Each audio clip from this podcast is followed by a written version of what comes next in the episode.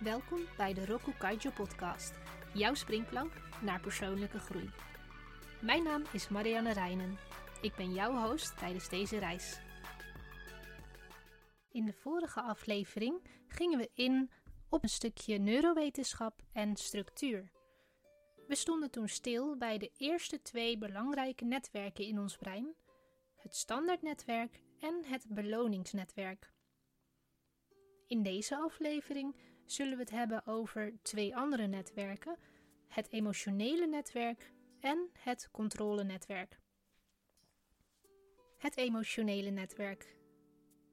Dit netwerk wordt, zoals je kunt raden, geactiveerd wanneer mensen emoties ervaren.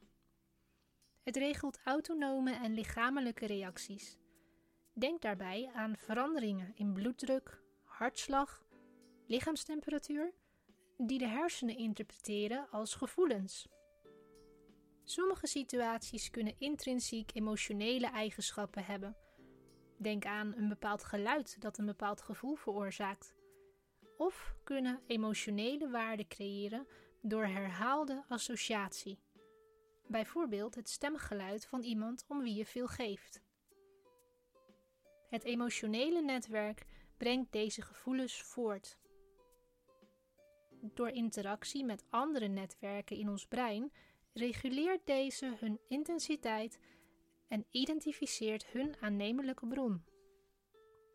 Het emotionele netwerk is van belang als het gaat om ingevingen en onderbuikgevoelens en de rol die emoties spelen bij het nemen van beslissingen. Ingevingen en onderbuikgevoelens, is dat niet wat zweverig, een soort van zesde zintuig? Gevoelens kunnen een bijproduct zijn van gedachten.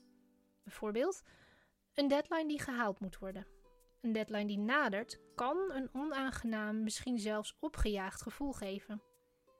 Maar gevoelens kunnen ook onbewust geactiveerd worden, dus eigenlijk zonder dat je weet waar het vandaan komt. Kortweg is een ingeving of een onderbuikgevoel een echte neurologische reactie die zichzelf fysiek uit. Het controlenetwerk. Dit netwerk wordt geactiveerd wanneer mensen lange termijn gevolgen afwegen, hun impulsen controleren en selectief hun aandacht richten. Het regelt het vermogen van mensen om hun gedrag af te stemmen op hun doelen. Het controlenetwerk is van belang als het gaat om bijvoorbeeld de voordelen en risico's van multitasking en hoe prioriteiten te stellen en te beheren. Wat interessant is, is dat het verband tussen het standaardnetwerk en het controlenetwerk een soort tegenhanger is.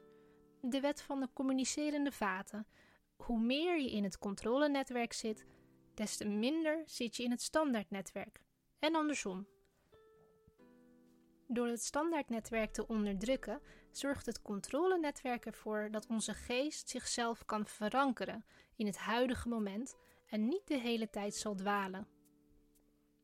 Door het beloningsnetwerk in te perken, helpt het ons de verleiding van dure uitgaven te weerstaan en de impuls te beteugelen om te reageren op onmiddellijke behoeften ten koste van belangrijker langetermijndoelstellingen.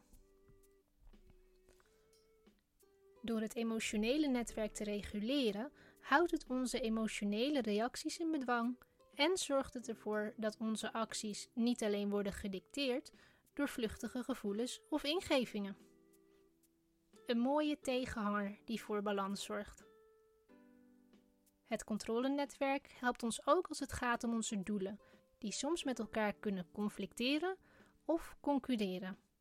In een wereld vol al dan niet digitale afleiding hebben we de mogelijkheid nodig om prioriteit te geven aan de belangrijkste taken en het overige buiten de deur te houden.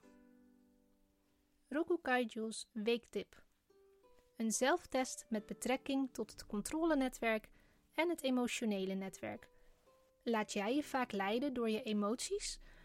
Of weet jij op het moment dat een trigger dreigt een stap terug te nemen en uit te zoomen?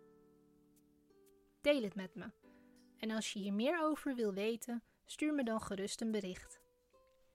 Bedankt voor het luisteren naar de Roku Kaijo podcast. Schakel elke donderdag in voor een nieuwe aflevering. Meer informatie en het laatste nieuws vind je op de website roku-kaijo.com.